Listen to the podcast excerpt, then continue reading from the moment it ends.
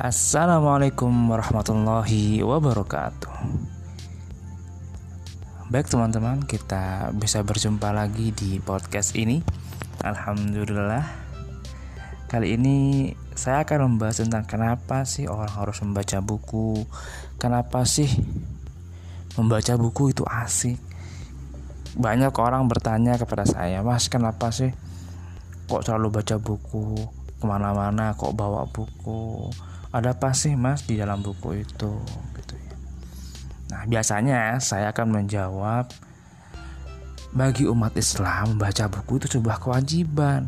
Ada ajarannya. Di mana ajarannya? Coba perhatikan surat Al-Alaq ya. Ayat pertamanya surat ini adalah ayat yang pertama kali turun kepada Nabi Muhammad Shallallahu Alaihi Wasallam. Ayat pertamanya berbunyi bagaimana? Ikro, iya ikro, yang artinya bacalah. Nah, konteksnya pada waktu itu memang benar bahwa apa yang disuruh dibaca oleh malaikat kepada Nabi Muhammad Wasallam adalah Al-Quran. Saat ini ulama kemudian memaknai bahwa ayat ini tidak sekedar untuk menyuruh umat muslim membaca Al-Quran saja tetapi juga bacaan-bacaan positif lainnya bacaan-bacaan yang bermanfaat bagi dunia akhirat setiap muslim.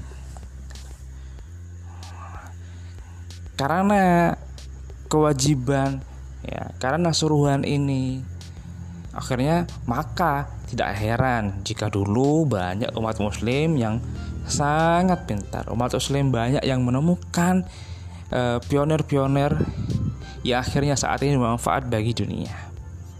Gitu.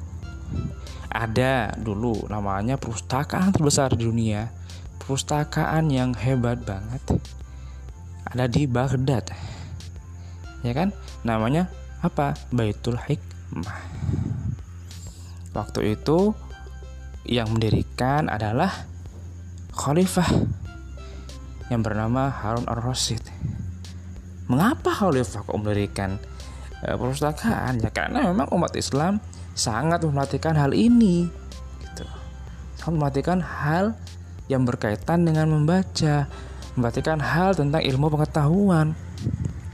Misal, kita membaca Al-Quran saja, apakah cukup? Kita tidak memahami bahasa Arab tentu saja tidak cukup dengan membaca Al-Quran saja.